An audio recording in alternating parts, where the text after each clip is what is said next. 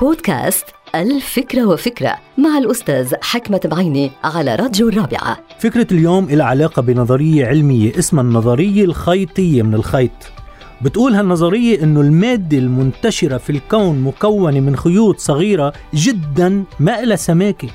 على الإطلاق ما إلها سماكة. وتضيف النظرية أنه هذه الخيوط واللي ما إلها سماكة أبدا على الإطلاق قادرة على تحريك وتحديد طبيعة الجسيمات الأكبر منها مثلا البروتون والنيوترون والإلكترون وغيرها من المكونات الذرية فإذا كان التركيب الذري لهذا الكون مبني فعلا على هذه الخيوط الأصغر والقادرة على تحديد مكونات الأكبر فهل هذا يعني أنه لا وجود للأكبر من دون وجود الأصغر؟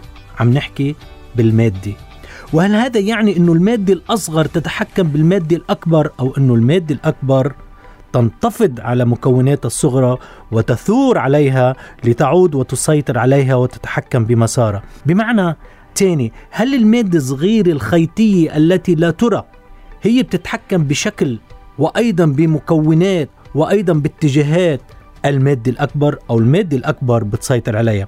وهيدي الفكرة بتشبه إلى حد كبير العلاقة بين الجندي والجيش. يعني الجندي هو المادة الأصغر والجيش هو المادة الأكبر؟ الجندي هل يستطيع هذا الجندي أن يحدد مسار الجيش قدراته إمكانياته؟ أو فعلا الجيش هو اللي بيحدد إمكانيات المادة الأصغر؟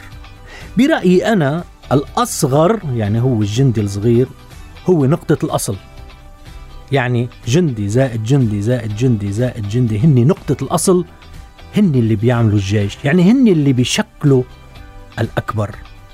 ولكن في ناس تقول لا الأكبر هو الأساس لأنه هو مش الأصل هو الفصل.